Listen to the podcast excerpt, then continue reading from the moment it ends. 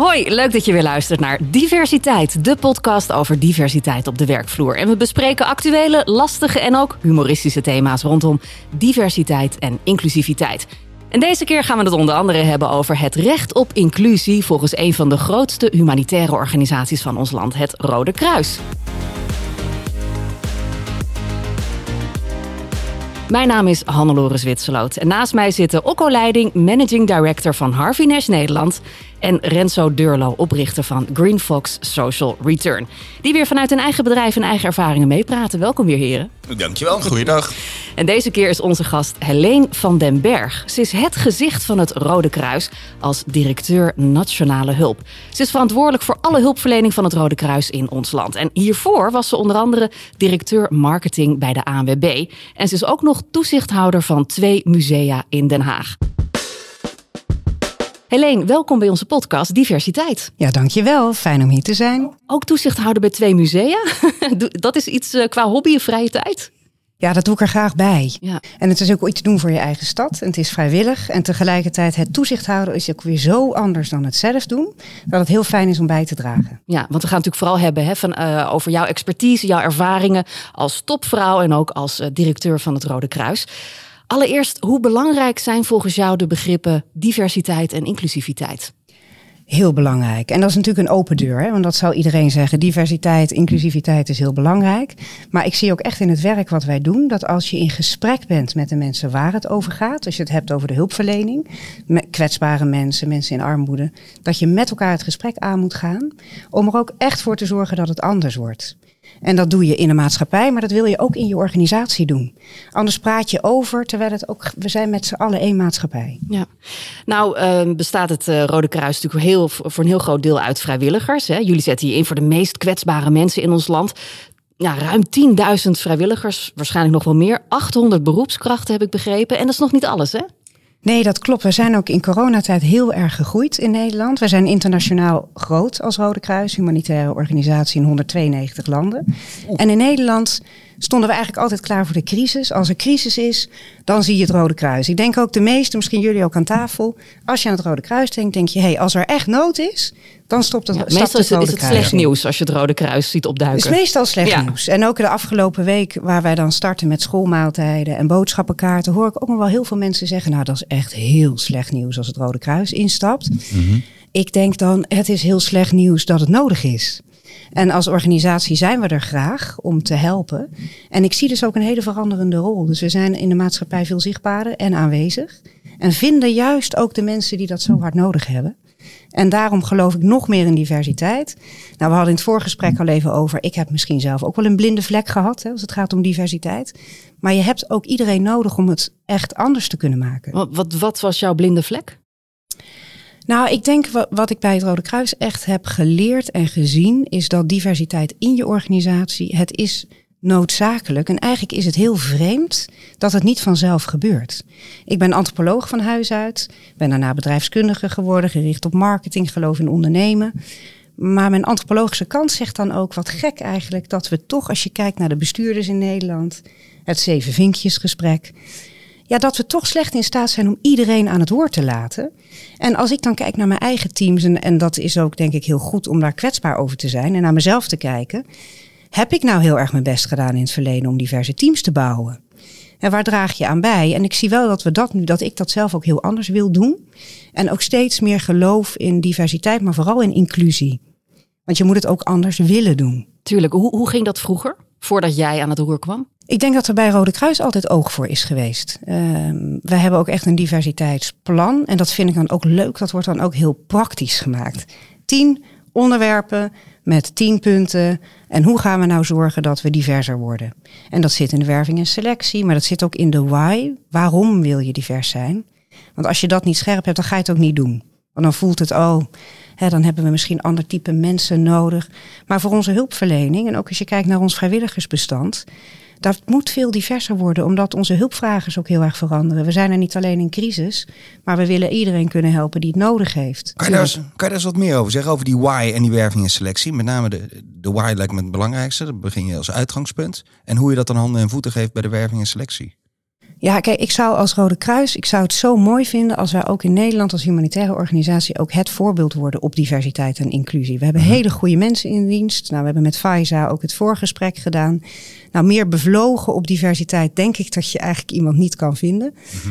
Dus daar wordt ook een heel plan voor gemaakt. En dat is echt een jaarcyclus. Dat je met elkaar in het begin van het jaar in gesprek gaat. Wat zijn dan de doelen die we willen bereiken? Je gaat met elkaar halverwege ook evalueren. Is dat gelukt? Maar we kijken ook heel goed wat zet je in het jaarverslag. En we hebben ook een diversiteitsweek om daar aandacht voor te vragen. Ieder team heeft een ambassadeur. Die zitten aan tafel om te kijken, halen we dan ook die percentages? Natuurlijk gaat het niet om percentages, maar je wil er ook op kunnen sturen. Natuurlijk. En voor ons is die why heel belangrijk, omdat de hulpvragers, ja, om het dan toch maar te zeggen zoals het is. Kijk, als wij eh, vanuit nou zeven vinkjes, vier vinkjes, drie vinkjes, vijf vinkjes aan tafel Je zitten. bedoelt de witte, hoogopgeleide, heteroseksuele Witte- mensen. ho- ja, precies. Hè? Als, we, als wij op die manier praten over de mensen die kwetsbaar zijn. Of over ja, hoe zouden migranten nou in Nederland landen. Wij werken veel met vluchtelingen, met migrantenorganisaties. We hebben het ook over mensenhandel, mensen die moeten integreren in Nederland. Daar willen we voor zijn. Mensen die het net niet redden. Zijn ook veel werkende armen in Nederland. Je wil eigenlijk dat je iedereen aan tafel hebt. Dus voor ons is de why hoe beter wij als organisatie kunnen begrijpen wie onze hulpvragers zijn, Ja. hoe beter we hulp kunnen verlenen. En wat ik zelf ook ervaar, het wordt er ook veel leuker van. Absoluut. Gisteren Ja. wordt een iftar georganiseerd. Ja, Omdat ik denk, nou, hè, toch fijn om even met elkaar dan nog te eten. En ja, gezellig en, en fijn. Dus je- ja, je wil eigenlijk toch ook op die manier de maatschappij in je organisatie aan tafel hebben. En wat mij dus wel, wat ik me wel af en toe afvraag, is waarom gaat dat dan zo langzaam? Heb ik ook geen antwoord op hoor. Jullie waarschijnlijk ook En niet. wij maar... ook niet. En, en Ja, ik kan me voorstellen, lang... Oh, jij wel? Ja, natuurlijk. Nee, natuurlijk. Dat verrast jou toch niet, of wel? Nee, nee, uiteraard niet. Ik zou je het antwoord geven. Volgens mij is het verloop bij jullie laag. Ik denk dat mensen best graag bij jullie werken. En, en het is ook een, het is altijd bijna horeca, het is een manier van, van leven bijna. Ja. Dus het is- ja, je hebt niet echt concurrenten, dus... Ja. Nee, nee, kijk, ons verloop is nog best wel hoog, vind ik eigenlijk zelf. Maar dat is wel ook omdat we veel met tijdelijke projecten werken. Dus mensen weten ook als je bij ons komt, wij zijn natuurlijk subsidiegedreven, we krijgen donaties. Kan best onzeker zijn, dus je komt voor een programma binnen en dan ga je uiteindelijk ook weer weg. Maar wat ik wel heel erg herken, is mensen werken met ontzettende passie.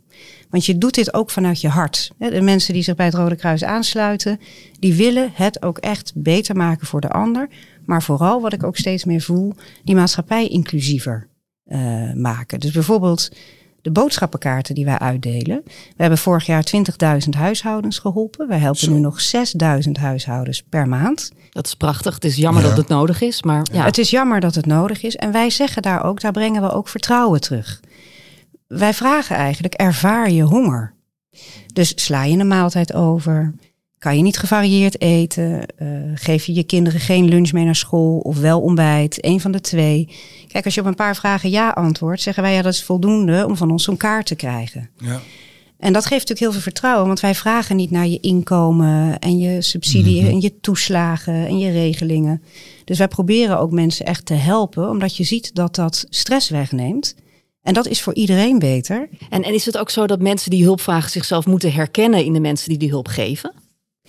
Ik denk wel, dat is een hele goede vraag. Laat ik daar, eh, dat is echt een hele goede vraag. Want ik denk wel dat we daar als Rode Kruis ook nog veel te leren hebben. Want dat is heel erg belangrijk. Ja. En wij werken nu met heel veel partnerorganisaties. Om te zeggen, ook, we hoeven het niet allemaal zelf te doen. Kijk, wij hebben 14.000 opgeleide vrijwilligers. Maar we hebben ook eh, tijdens corona 100.000 burgerhulpvrijwilligers hebben zich bij ons aangesloten. Ja, ongelooflijk. Hè? een stad. Ja, mooi. Maar dat is ook heel mooi. En ik denk ook dat verhaal vertellen, dat er soms wel heel veel saamhorigheid is en mensen wat willen doen. En want je hoort vaak polarisatie. Wij zien ook heel veel mooie initiatieven. Ja. Maar je het herkennen in de hulpvraag is heel erg belangrijk. En wij werken nu met heel veel partners, willen we ook blijven doen. Op dit moment met meer dan 70 als het om die boodschappenkaarten gaat, maar dat waren er boven de 200. Dat wij zeggen, het zijn juist ook weer andere organisaties die dan weten waar de mensen zitten. En ik geloof gewoon heel erg dat je met elkaar, en dat vind ik ook qua leiderschap zo belangrijk, samen met elkaar verschil maken vanuit vertrouwen. Ik, ik had verwacht dat, ehm, omdat je het Rode Kruis bent en je doet iets voor een ander, dat, de, dat je een vrij brede doelgroep ook aan mensen aanspreekt die dat doet. Het erbarmelijke zit er toch in. Ja. Heb je een, een, een, een standaard profiel ehm, eh, eh, mensen die binnenwandelen? Of zie je ook echt dat het een, een, een weerspiegeling van de maatschappij is? Het is wel echt een weerspiegeling. Dus dat klopt Mooi. wat je zegt. Ja, Ja. dat is fijn. Daar ben ik ook blij mee. En ik, ik zie zelfs ook wel na corona dat er ook steeds meer jongere mensen zich zijn gaan aansluiten. Kijk, en het vraagt natuurlijk ook van ons. Wij hebben opgeleide vrijwilligers die dus ook bekwaam zijn. Dus dan heb je eerste hulp. Je kunt eh, op een evenement staan met eerste hulp, evenementenhulpverlening. Je kunt noodhulp doen. Daar moet je je ook weer voor opleiden. Nou, dat zijn best wel vragen die je stelt aan mensen. Want je moet ook per jaar je uren maken om uiteindelijk in Oh, zo'n oké, noodhulpsituatie eh, aanwezig te kunnen zijn. Maar wat voor mensen zijn dat? Zijn dat mensen die bijvoorbeeld op dit moment geen werk hebben? Of doen die dat echt gewoon eh, vanuit de goedheid van hun hart? Hoe, Ja, allebei. Dus we zien veel ouderen. We hebben nu wel veel oudere vrijwilligers nog die opgeleid zijn. Maar die hebben natuurlijk ook tijd. Want je moet opleidingen doen, Ja. je moet uren maken, je moet overal naartoe. dus dat zijn mensen die met pensioen zijn Ja, er bijvoorbeeld? zijn mensen die Ja. bijvoorbeeld met pensioen zijn. Ehm, bijvoorbeeld ook echtparen die dat dan samen doen. Die al jarenlang voor het Rode Kruis werken. Ja, en toch zeggen, ik doe dat er heel graag bij. Maar we hebben ook studentendesks waar studenten zich aanmelden. Oké. Ehm, en die zeggen, nou wij willen eigenlijk gewoon heel graag met jullie meewerken. Ook informatie geven aan mensen die het nodig hebben. Dus we hebben ook wel veel jonge hulpverleners. Maar daar moeten we nog wel in groeien. En dat vraagt ook dat je op een andere manier kijkt naar het werk. En ik denk zeker als je het hebt over diversiteit. Ja, daarin zien we ook dat dat langdurig verbinden. Het vraagt misschien dus ook om een hele andere manier van werven. En zeggen, joh, je kan bij ons ook eenmalig meedoen. En we moeten dan ook heel goed kijken hoe we dat uitvragen. Want dat zie je natuurlijk ook terug op het moment dat je een heel duidelijk profiel maakt. Ja, dan komt daar ook een bepaald type op af. Want hoe zou je, als je kijkt, je wil graag een afspiegeling zijn van de samenleving. Hoe kan je nou sturen als je ziet dat er bijvoorbeeld eh, te weinig mensen uit een bepaalde doelgroep niet aanwezig zijn? Hoe doe je dat in je werving en selectie? Nou, we hebben bijvoorbeeld ook de Marokkaanse gemeenschap. Daar zijn we dan heel eh, gericht gaan werven. Dus via andere organisaties, via eh, een, een Marokkaanse gemeenschap die we al bij ons in huis hebben. En dat werkt dan ook, omdat je mensen heel gericht aanspreekt. En ook, eh, toch zie je ook dat bijvoorbeeld de oudere generatie van bijvoorbeeld de Marokkaanse gemeenschap, dat hij geen Nederlands spreekt. Dus op- ook tijdens corona en ook niet kan lezen. Hoe bereik je nou zo'n groep? Ja. Hebben we bijvoorbeeld ook burgemeester Marcouch heeft toen ingesproken. Hoe ga je nou met corona om? We hebben een YouTube filmpje gemaakt, we benaderd. En dat gaat dan ineens dus helemaal rond. Dus dan zie je, het Rode Kruis is dan ineens zichtbaar. Op een hele andere manier om mensen te bereiken. Namelijk, Ja. dat kun je gewoon. Ja, je hoort gewoon wat diegene zegt in jouw taal. Ja. En dan zie je ook, dan worden we bekender. En dan denken mensen, oh, maar dat is misschien ook wel een organisatie waar ik me bij aan wil sluiten. En merk je Slim. dan ook dat je dus je organisatie anders moet inrichten? Want nou, ik ben in mijn eigen taal aangesproken. Ik, ik wandel het eerste kantoor van het Rode Kruis binnen. En ja, sorry, nu is het toch Nederlands. Me- Merk je dat je, je moet dan ook je organisatie erop aan moet passen? Ja, ook- hier, dit is echt precies waar wij nu middenin zitten. Dat je zegt, eigenlijk willen wij er voor iedereen zijn, ook die acuut in nood is. Dat is een, een, tijd geleden een verandering in die strategie geweest. Niet alleen de crisis, maar als jij tijdelijke nood ervaart op je hebt geen onderdak, je hebt tekort aan voedsel, eh, je hebt geen toegang tot zorg, dan willen we jou acuut kunnen helpen. Ja, dat betekent wel dat we daar dus klaar voor moeten staan. Ja. En dat betekent ook dat wij, want wij hebben 23 districten. En in die 23 districten hebben wij kantoren. Ja, dan wil je ook zorgen dat, dat iedereen je kantoor weet te vinden. Maar dat ze ook in de goede taal geholpen kunnen worden. Hm. En daar zijn wij ons nu heel erg op aan het ontwikkelen. Dus we hebben bijvoorbeeld WhatsApp hulplijnen in verschillende talen. Nou, daar werden ook tijdens corona we hebben zoveel vragen gekregen. Maar ook mensen die zeiden, we zijn gewoon heel erg, ik ben heel erg eenzaam. Eh, ik weet niet waar ik naartoe moet. En dat hebben we in verschillende talen aangeboden. Arabisch, in het Chinees, nu ook in het Oekraïens en in het Russisch. Vragen over de oorlog, waar moet ik nou naartoe? Eh, Dus wij zien echt dat we proberen om verschillende groepen aan te spreken. En zelfs die WhatsApp-lijn eh, voor de Oekraïne-oorlog is het zo dat mensen ons in Polen al weten te vinden. Die bellen dan met het Rode Kruis in Nederland en zeggen: Ik wil naar Nederland, hoe kan ik dat het beste doen? Allemaal in hun eigen taal. Zitten dan 15 Oekraïnse vrijwilligers achter de telefoon. Zo dan. Wat goed.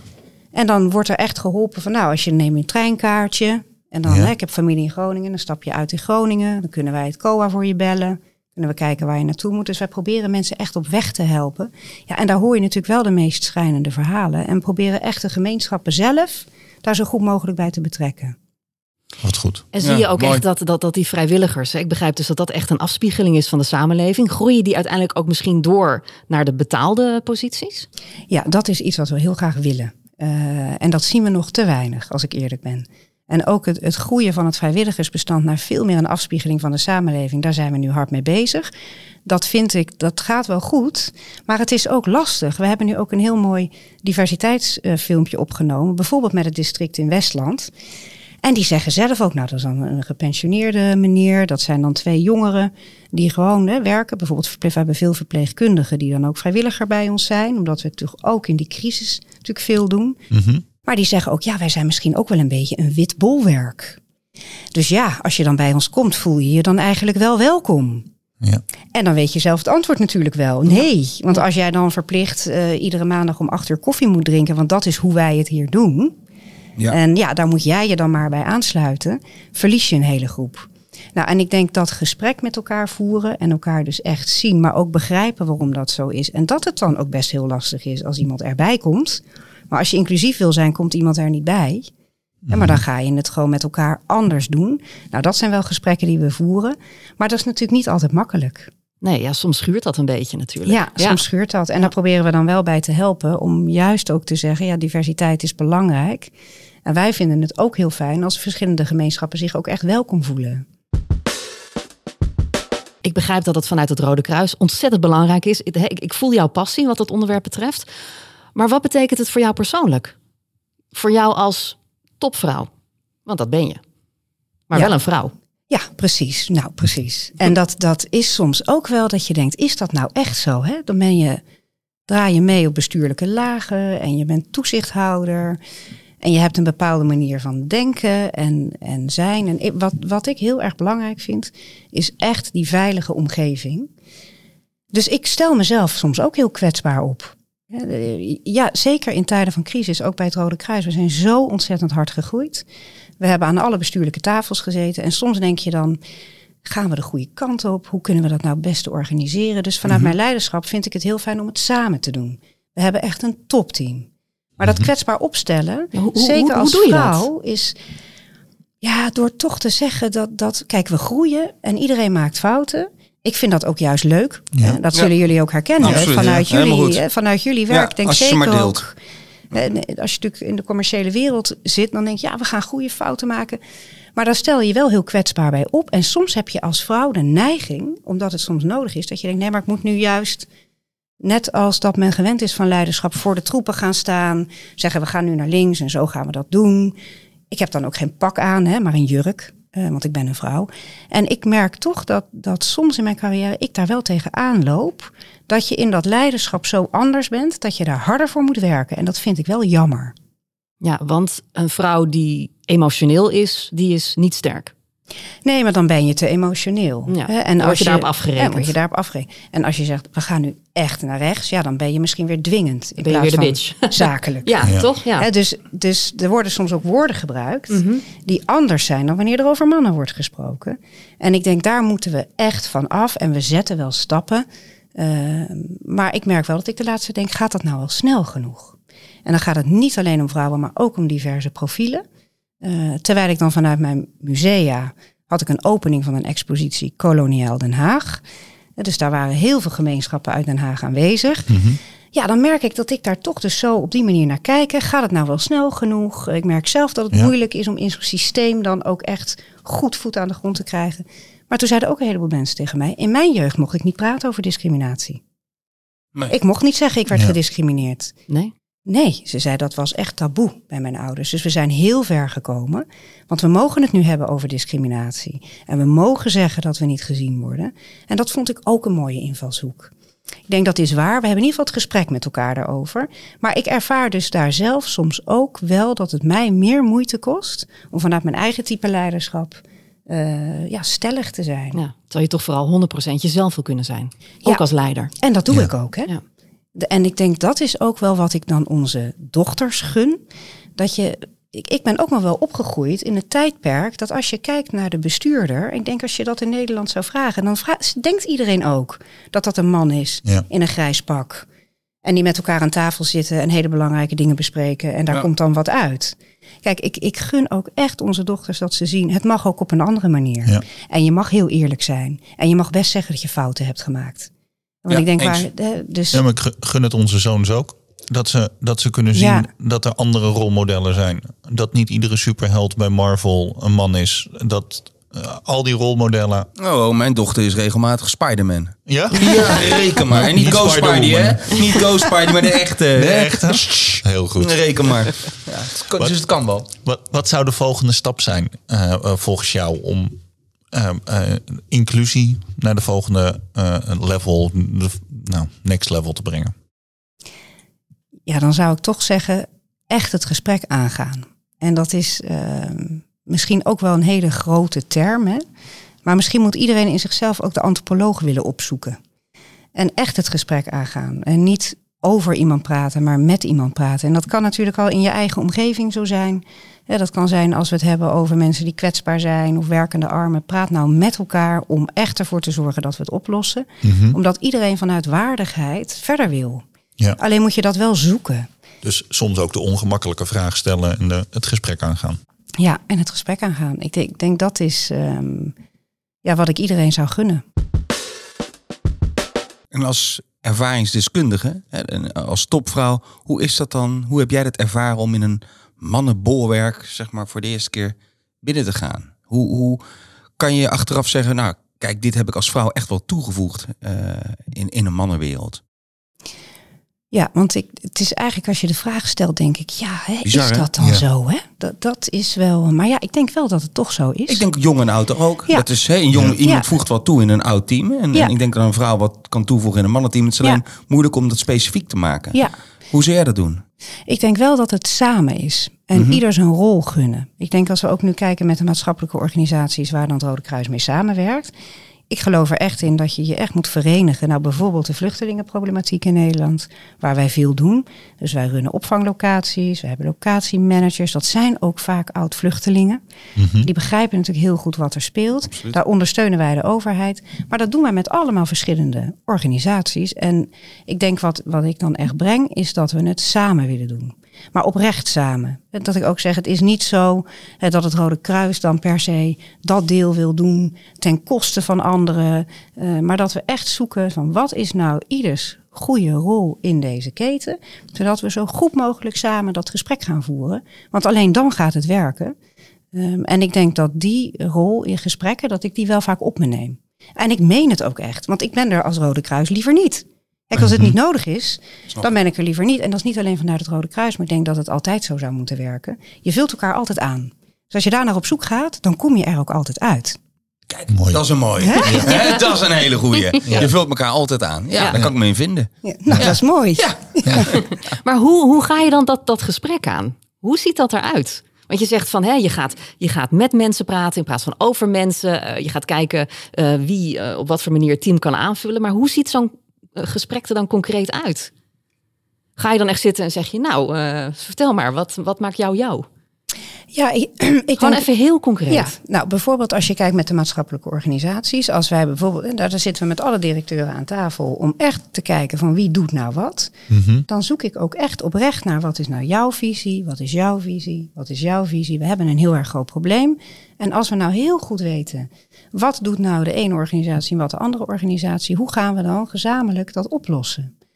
En als je het concreter maakt naar de hulpvragers, dan is het als je in een buurthuis bent, dan praten we met mensen. We hebben dan zoveel organisaties en al die gesprekken, die neem je mee. Dus bijvoorbeeld, ik kom dan om negen uur s ochtends aan in zo'n buurthuis, dan zit daar een oudere mevrouw aan tafel. En die zegt, ja, ik, wij stoppen dan bijvoorbeeld met boodschappenkaarten. Omdat ook zo'n buurthuis zegt, ik kan niet altijd maar die boodschappenkaarten blijven uitgeven. Dat is allemaal lappendeken. Maar zij zegt, ja, als je mijn boodschappenkaart, eh, ja, ik heb het dan heel erg zwaar. Want iemand gaat eh, tussen 11 en 1 moet je naar de kledingbank om je kleding op te halen. Dan moet je tussen 1 en 2 je boodschappenkaart ophalen. Dan heb je natuurlijk ook nog kinderen die je uit school moet ophalen. Dus eigenlijk is ook arm zijn is een fulltime baan. Wat heel veel stress geeft. Dus wij gaan dan echt het gesprek aan met mensen en proberen ook om dat verhaal dan weer verder te brengen. Maar het liefst zou ik hebben dat, de, ja, dat mensen zich durven uit te spreken. Maar er is natuurlijk ook veel schaamte. Dat je bij de beleidsmakers aan tafel zit. Maar die stem proberen wij dus echt verder te brengen. Wij horen zoveel mensen die nu veel meer depressieve, suïcidale klachten hebben. Na, in corona was het al lastig. We zien de groep alleen maar toenemen. Omdat je uiteindelijk het niet redt. Uh, en dat hoe langer dat duurt, hoe moeilijker het wordt. Dus wij gaan echt het gesprek aan met mensen en proberen er dan voor te zorgen dat die stem ook weer gehoord wordt door de beleidsmakers. Kijk, ik hoor dan bijvoorbeeld nog wel eens dat er gezegd wordt, ja, jullie registreren dat allemaal niet. Maar als iemand nou in Amsterdam Zuidoost een boodschappenkrat ophaalt, ja, hoe weet je dan zeker dat hij niet uh, een wijk verder hetzelfde doet? En dan denk ik, is omdat je het gesprek niet voert. Want één, iemand staat anderhalf uur in de rij. Ja. En ze, er is geen geld voor een overchipkaart. Mensen lopen heel veel, omdat daar gewoon echt, daar proberen ze gewoon op te besparen. Dus ik gun gewoon het echte gesprek. En of dat nou is met onze hulpvragers en de overheid, of dat ik dat zelf doe met bestuurders aan tafel, van gun ieder nou je eigen rol. En hoe het gesprek eruit ziet, is, is denk ik echt zoals ik nu hier aan tafel zit, dat je dat vanuit je hart doet. Hm. En dat is wat ik het liefste doe. Gewoon heel authentiek en vanuit hoe ik denk dat het het beste zou zijn. En dan maar open het gesprek voeren. Ja. ja, misschien zijn jullie wat dat betreft wel echt een van de voorlopers in ons land. Ja. ja. Als het echt gaat om praten met in plaats van over. Nou, nou ik, ik hoop het en ik zou daar ook wel heel trots op zijn als we dat verder kunnen brengen. En dat we het nog beter kunnen doen, want ik denk dat je altijd daar nog stappen in kunt zetten. Maar misschien nog meer met andere partijen. Maak iemand echt zichtbaar. Zie de verschillen, omarm de verschillen, want je hebt er ook zoveel plezier van. En wat ik ook nog wel belangrijk vind om te zeggen is, het is heel, nou nee, kijk, het is makkelijker om te relativeren als het niet over jezelf gaat.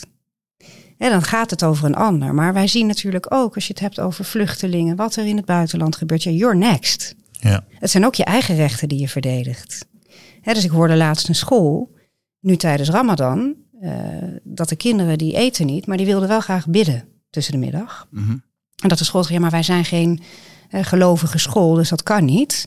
Maar dan wordt er de dag daarna wel een paasontbijt gegeven. Ja. ja, bizar. En dat zijn dan onze gewoontes. Ja. Ja. En dat is dan een blinde vlek. Ja. En dan wordt er gezegd, ja, maar hier wordt dan niet gebeden, maar we doen dan wel een paasontbijt. En dan denk ik, ja, dat is dus het gesprek wat je met elkaar wil hebben. Want dat is onze blinde vlek. En het zijn ieders rechten en straks ben jij dat. We moeten dat met elkaar omarmen en verdedigen. Ik, ik, ben, ik ben er vooral even stil van. Ja, Ehm, ehm, ik heb hetzelfde. Ik vind het, eh, het gedeelte van heel pragmatisch. Oké, we zien eh, een ondervertegenwoordiging van de Marokkaanse gemeenschap. We gaan het doen in die taal. Ja. Ik denk, ja, ja, zo simpel kan het dus blijkbaar zijn. Ja, maar ook de, de, de- we hebben aan deze tafel een aantal keer gehad dat de overheid beslist over een groep. Of dat we als maatschappij beslissen over een groep of een groep wegzetten. De stem ervan zijn. En gewoon de dialoog aangaan. Iemand vertrouwen gunnen. Ja, heel erg mooi. Helene, heb jij misschien nog een vraag voor ons of voor de heren? Ja, ik ben wel heel benieuwd hoe jullie dat in jullie werk terugzien. Ja, dat is een goede vraag. Want hetgeen waar ik nu het meest door geïnspireerd raak is ga met elkaar in gesprek. En ik had gisteren een nieuwe medewerkerslunch. Ehm, eh, en toen vroeg iemand aan mij: wanneer beginnen we met anderstaligen in onze Nederlandse organisatie te embedden? En dat is op een hele kleine, hele zakelijke schaal waar je nu over praat. En mijn antwoord was gisteren nog: ja, dat is wel lastig, want bij het koffiezetapparaat spreken we Nederlands. Dus misschien dat ik dat antwoord toch nog even moet herzien. Daar nog even over na moet denken hoe we dat dan wel praktisch gaan doen. Het is wat ik net aan je vroeg met... Ja, eh, hoe doe je dat dan op het moment dat iemand die alleen maar Marokkaans spreekt... bij je naar binnen wandelt? Ehm, eh, ehm, maar dit is wel iets wat ik meeneem. Mooi. Ja. Wij zetten heel erg op eh, ons aannamebeleid. Dus daar ben ik ook echt wel trots op. Eh, het is onbewust zo gegaan. Maar bij ons zit je altijd met twee verschillende mensen. En heb je twee sollicitatiegesprekken. Dus in totaal spreek je vier mensen. En die twee zijn altijd verschillend. Dus praat je met een man, is de andere een vrouw. Is de een oud, is de ander jong. Is de een Nederlands afkomstig, de ander niet. Dus je krijgt mooi. ja, dus je kan nooit in een valkuil stappen dat je jezelf aanneemt. En als je ook kijkt, het is ja, een grote bende bij ons. Het is een grote regenboogvlag met, met alle kleuren en maten. En eh, nee, jezelf aannemen is bij mij kansloos mislukt. Dus niet je vriendjes naar binnen. Niet je nee, hoor, ik moet er niet aan. Nee. denken. En ik wil mijn trampoline in mijn kantoor ook niet delen. Dus eh, dat gaat niet gebeuren. Eén Renzo is meer dan zat, ook voor mezelf. Helene van den Berg, bedankt voor dit gesprek. En Okko en Renzo natuurlijk ook weer bedankt. En jij bedankt voor het luisteren en graag tot de volgende aflevering van Diversiteit. En dan is onze gast Joanneke van der Toorn, diversiteitsprofessor en een van de mensen achter de Nederlandse inclusiviteitsmonitor. Volg onze podcast Diversiteit via de website, zodat je niks hoeft te missen. En die website is diversiteit.com. En volg Harvey Nash en Green Fox via de socials.